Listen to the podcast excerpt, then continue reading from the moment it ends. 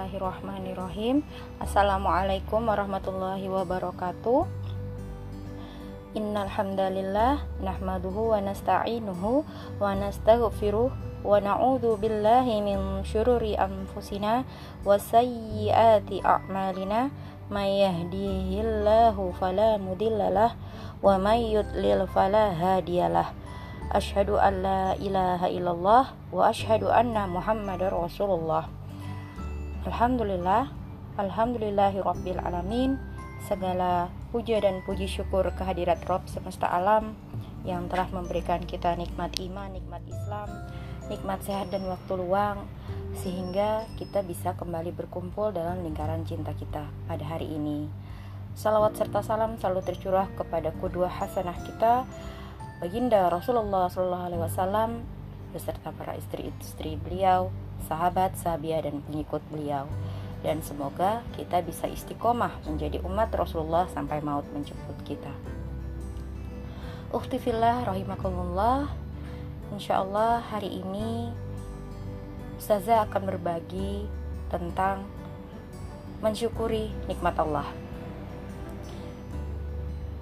Ketika Nabi Sulaiman alaihissalam mendapatkan puncak kenikmatan dunia, beliau mengatakan, ini adalah bagian dari karunia Allah untuk mengujiku apakah aku bersyukur atau kufur. Terdapat dalam Quran Surah An-Naml ayat 40. Dan ketika Karun mendapatkan harta yang sangat banyak, dia mengatakan, Sesungguhnya harta kekayaan ini tidak lain kecuali dari hasil kehebatan ilmuku ada dalam Quran Surah Al-Qasas ayat 78. Iya, dua kisah yang bertolak belakang di atas menghasilkan akhir kesudahan yang berbeda. Nabi Sulaiman alaihissalam mendapatkan karunia di dunia dan di akhirat, sedangkan Karun mendapat azab di dunia dan di akhirat karena kekufurannya akan nikmat Allah. Demikianlah bahwa fragmen hidup manusia tidak terlepas dari dua golongan tersebut, Golongan pertama, manusia yang mendapatkan nikmat Allah dan mereka mensyukurinya dengan sepenuh hati. Dan golongan kedua, manusia yang mendapatkan banyak nikmat Allah lalu mereka kufur. Contoh golongan pertama yaitu para nabi, siddiqin, syuhada, dan solihin. Terdapat dalam Quran surah An-Nur ayat 69 sampai 70 bisa dibuka Qurannya kita simak bersama-sama. Quran surah 4 ayat 69 sampai 70 artinya dan barang siapa yang mentaati Allah dan Rasulnya mereka itu akan bersama-sama dengan orang-orang yang dianugerahi, dianugerahi nikmat oleh Allah yaitu nabi-nabi, para siddiqin, orang-orang yang mati syahid dan orang-orang yang soleh. Dan mereka itulah teman yang sebaik-baiknya. Yang demikian itu adalah karunia dari Allah dan Allah cukup mengetahui. Dan golongan kedua, mereka inilah para penentang kebenaran. Contohnya seperti Namrud, Fir'aun, Karun, Abu Lahab, Abu Jahal, dan para pengikut mereka dari masa ke masa. Secara umum, bahwa kesejahteraan, kedamaian, dan keberkahan merupakan hasil dari syukur kepada Allah, sedangkan kesempitan, kegersangan, dan kemiskinan akibat dari kufur kepada nikmat Allah.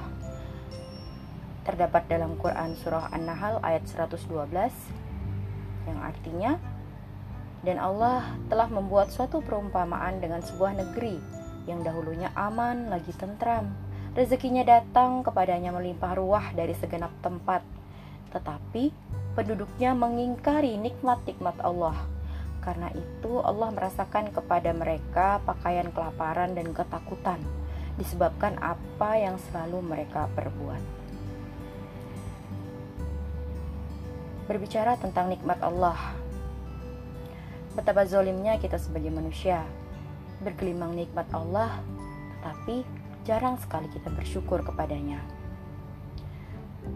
Ada di dalam surah ke-14 ayat 34 yang artinya dan Dia telah memberikan kepadamu keperluanmu dan segala apa yang kamu mohonkan kepadanya.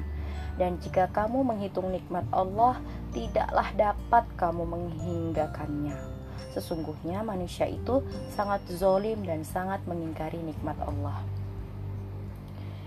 Iya, saudariku, nikmat yang Allah berikan kepada manusia mencakup aspek lahir atau zahirah dan batin atau batinah serta gabungan dari keduanya. Dalam surah Ar-Rahman menyebutkan berbagai macam kenikmatan itu dan mengingatkan kepada manusia akan nikmat tersebut dengan berulang-ulang sampai 31 kali. Fabi ala'i rabbikuma tukatsiban? Maka nikmat Tuhan yang manakah yang kamu dustakan? Mari kita baca dan tadaburi surah Ar-Rahman.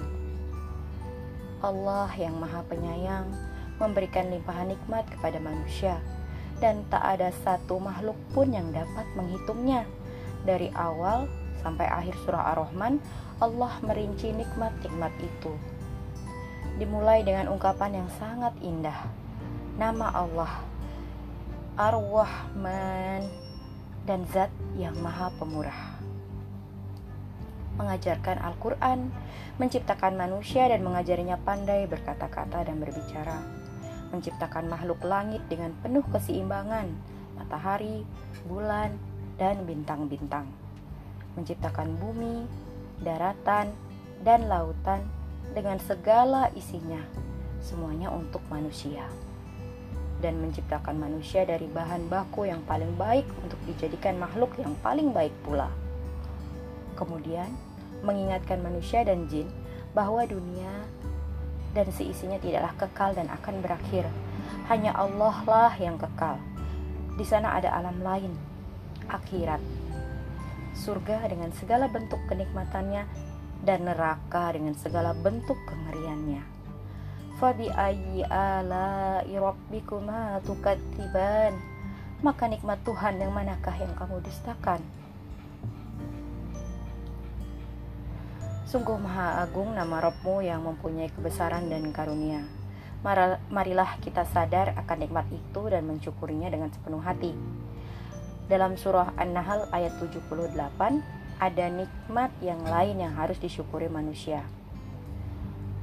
Artinya, dan Allah mengeluarkan kamu dari perut ibumu dalam keadaan tidak mengetahui sesuatu apa pun, dan Dia memberi kamu pendengaran, penglihatan, dan hati agar kamu bersyukur.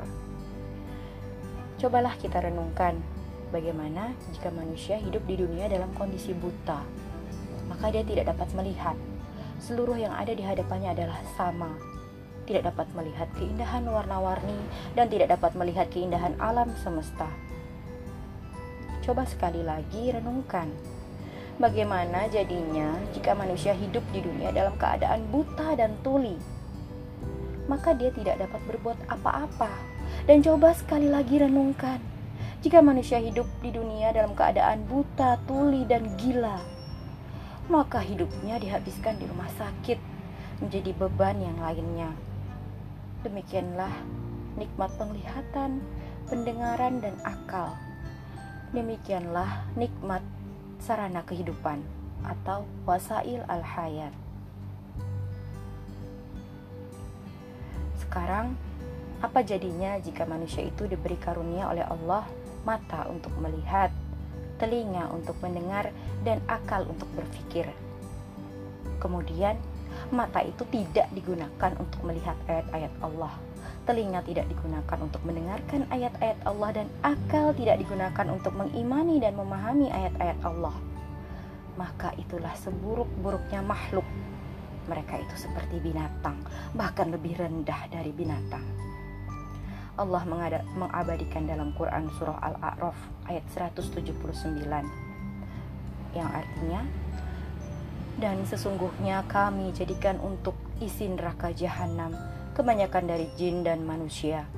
Mereka mempunyai hati tetapi tidak dipergunakannya untuk memahami ayat-ayat Allah dan mereka mempunyai mata tetapi tidak dipergunakannya untuk melihat tanda-tanda kekuasaan Allah. Dan mereka mempunyai telinga, tetapi tidak digunakannya untuk mendengar ayat-ayat Allah. Mereka itu sebagai binatang ternak, bahkan mereka lebih sesat lagi.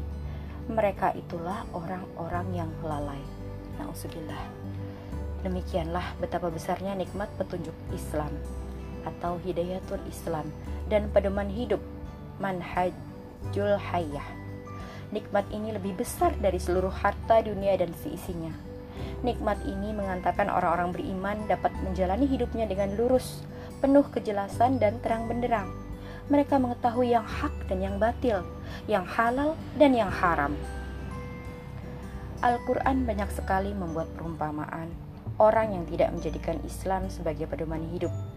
Di antaranya digambarkan seperti binatang secara umum dan binatang tertentu secara khusus, seperti anjing, keledai, kera, dan babi. Ada terdapat dalam Quran Surah 7 ayat 176, Quran Surah 62 ayat 5, dan Quran Surah 8 ayat 55 dan diumpamakan juga seperti orang yang berjalan dengan kepala. Terdapat dalam Quran surah 67 ayat 22. Buta dan tuli ada di Quran surah 5 ayat 71. Jatuh dari langit dan disambar burung. Quran surah 22 ayat 31 dan kayu yang tersandar di Quran surah 63 ayat 4 dan lain-lain. Uktifilah yang dirahmati Allah, ada satu bentuk kenikmatan lagi yang akan Allah berikan kepada orang-orang beriman disebabkan mereka komitmen dengan manhaj Allah dan berdakwah untuk menegakkan sistem Islam, yaitu pertolongan Allah. Terdapat dalam Quran surah Muhammad ayat 7. Hai orang-orang mukmin, jika kamu menolong agama Allah, niscaya Dia akan menolongmu dan meneguhkan kedudukanmu. Pertolongan Allah itu sangatlah banyak bentuknya. Di antaranya perlindungan dan tempat menetap atau al-iwa, dukungan Allah sehingga menjadi kuat atau ta'yid, rizki yang baik-baik, kemenangan atau al-fat, kekuasaan atau al-istiklaf, pengokohan agama atau tamkinuddin, dan berbagai macam bentuk pertolongan Allah yang lainnya terdapat dalam Quran Surah Al-Anfal ayat 26 yang artinya dan ingatlah hai para muhajirin ketika kamu masih berjumlah sedikit lagi tertindas di muka bumi Mekah kamu takut orang-orang Mekah akan menculik kamu. Maka Allah memberi kamu tempat menetap atau Madinah dan dijadikannya kamu kuat dengan pertolongannya dan diberinya kamu rezeki dari yang baik-baik agar kamu bersyukur. Ya Segala bentuk kenikmatan tersebut, baik yang zahir, batin, maupun gabungan antara keduanya, haruslah direspon dengan rasa syukur secara optimal. Dan dalam bersyukur kepada Allah harus memenuhi rukun-rukunnya. Apa saja rukun-rukun dari syukur? Para ulama menyebutkan bahwa rukun syukur ada tiga, yaitu yang pertama, iktiraf atau mengakui, yang kedua, tahadus atau menyebutkan, dan ketiga, apoah atau taat. Rukun syukur yang pertama, al-i'tiraf. Pengakuan bahwa segala nikmat dari Allah adalah suatu prinsip yang sangat penting karena sikap ini muncul dari ketawaduan seseorang.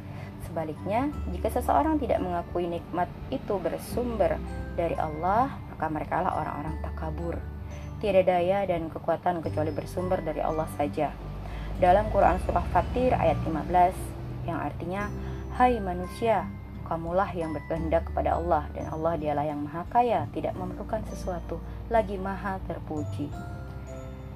Dalam kehidupan modern sekarang ini, orang-orang sekuler menyandarkan segala sesuatunya pada kemampuan dirinya, dan mereka sangat meyakini bahwa kemampuannya dapat menyelesaikan segala problem hidup. Mereka sangat bangga terhadap pencapaian yang telah diraih dari peradaban dunia, seolah-olah itu adalah hasil kehebatan ilmu dan keahlian mereka. Pola pikir seperti sama dengan pola, pola pikir seperti ini sama dengan pola pikir para pendahulu mereka seperti Karun dan sejenisnya. Diabadikan dalam Quran Surah Al-Qasas ayat 78 yang artinya Sesungguhnya harta kekayaan ini tidak lain kecuali dari hasil kehebatan ilmuku.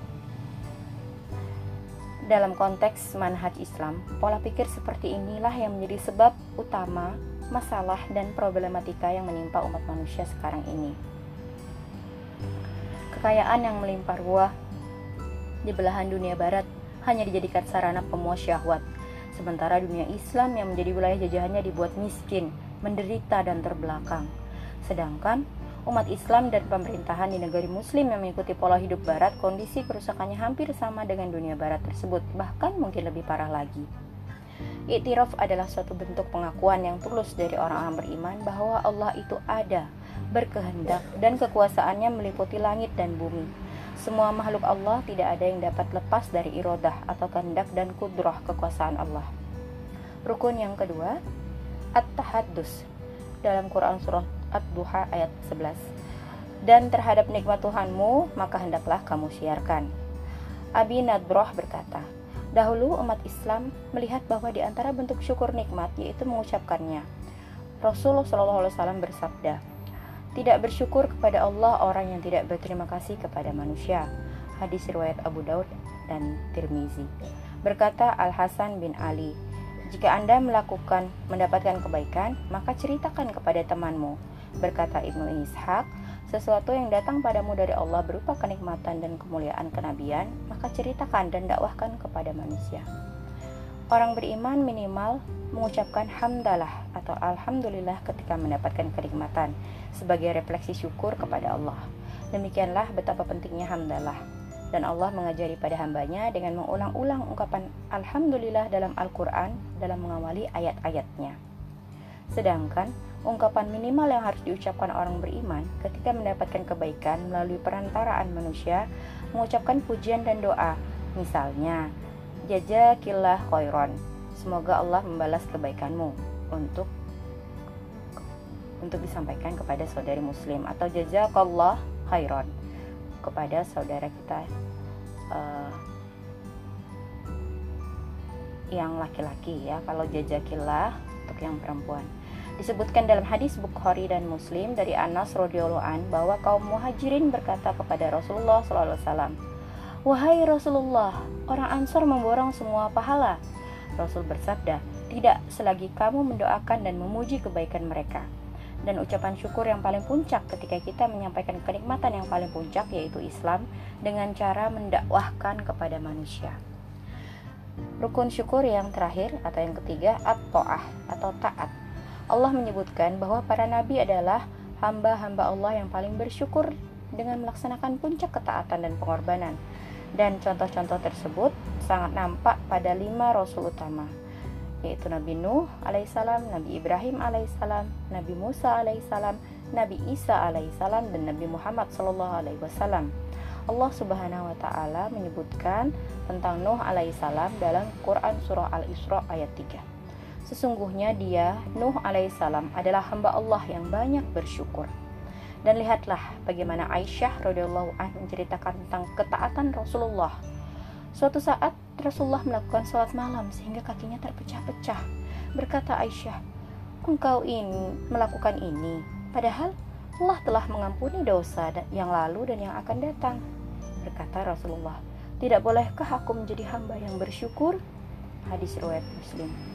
Dalam riwayat lain disebutkan dari Atta berkata, Aku bertanya pada Aisyah, ceritakan padaku sesuatu yang paling engkau kagumi yang engkau lihat dari Rasulullah. Aisyah berkata, Adakah urusan yang tidak mengagumkan? Pada suatu malam, beliau mendatangiku dan berkata, Biarkanlah aku menyembah Robku. Maka beliau bangkit, berwudu, dan sholat.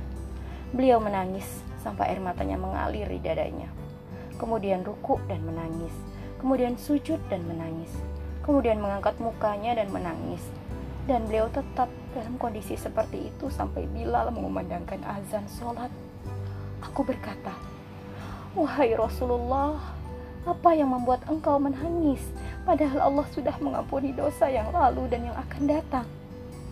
Rasul berkata, Tidak bolehkah aku menjadi hamba Allah yang bersyukur? Hadis riwayat Ibnu Munzir Ibnu Hibban, Ibnu Mardawaih, dan Ibnu Asakir. Ya, refleksi syukur yang dilakukan dengan optimal akan menghasilkan tambahan nikmat dari Allah dalam bentuk keimanan yang bertambah, ziyadatul iman, ilmu yang bertambah, ziyadatul ilmi, amal yang bertambah, ziyadatul amal, rezeki yang bertambah, ziyadatul rizki, dan akhirnya mendapatkan puncak dari kenikmatan, yaitu dimasukkan ke dalam surga dan dibebaskan dari api neraka. Demikian janji Allah yang disebutkan dalam surah Ibrahim ayat ke-7. Artinya, dan ingatlah juga tatkala Tuhanmu memaklumkan, sesungguhnya jika kamu bersyukur, pasti kami akan menambah nikmat kepadamu dan jika kamu mengingkari nikmatku, maka sesungguhnya ajabku sangat pedih. Iya, Bukti Filah rahimakumullah telah banyak disampaikan contoh-contoh menikmati rasa syukur, bersyukur kepada Allah. Bahkan sekelas Nabi Muhammad SAW, Rasulullah yang mulia, terus saja bersyukur, bersyukur, terus saja beribadah sebagai bentuk taat. Beliau ingin menjadi hamba yang bersyukur, padahal kalau jaminan beliau telah dijamin diampuni dosa-dosanya yang terdahulu bahkan yang akan datang. Bagaimana dengan kita? Tidak ada jaminan. Tidak ada jaminan dosa-dosa kita akan diampuni. Dan mungkin melalui salah satu sarana ini dengan cara bersyukur kita bisa menjadi hamba-hamba yang taat. Sehingga Allah menambahkan menambahkan keimanan kita menambahkan nikmat keimanan nikmat ilmu nikmat amal dan lain-lain. Semoga dengan penyampaian yang sedikit ini bisa kembali mengingatkan kita, saling mengingatkan dalam kebaikan. Memang tidak ada manusia yang sempurna, tapi kita hanya bisa terus taat, taat, dan taat. Karena sejatinya tugas kita sebagai manusia adalah sebagai hamba yang beribadah di dunia ini, mencari bekal sebanyak-banyaknya untuk kehidupan yang abadi akhirat nanti. Allahu alam bisawab. Semoga kita termasuk golongan hamba-hamba yang pandai bersyukur sehingga Allah menambahkan nikmatnya kepada kita. Amin amin ya robbal alamin. Demikian yang bisa Ustazah sampaikan pada hari ini. Yang baik yang benar dari Allah, yang salah dari Ustazah pribadi Ustazah mohon maaf. Akhirul kalam. Assalamualaikum warahmatullahi wabarakatuh.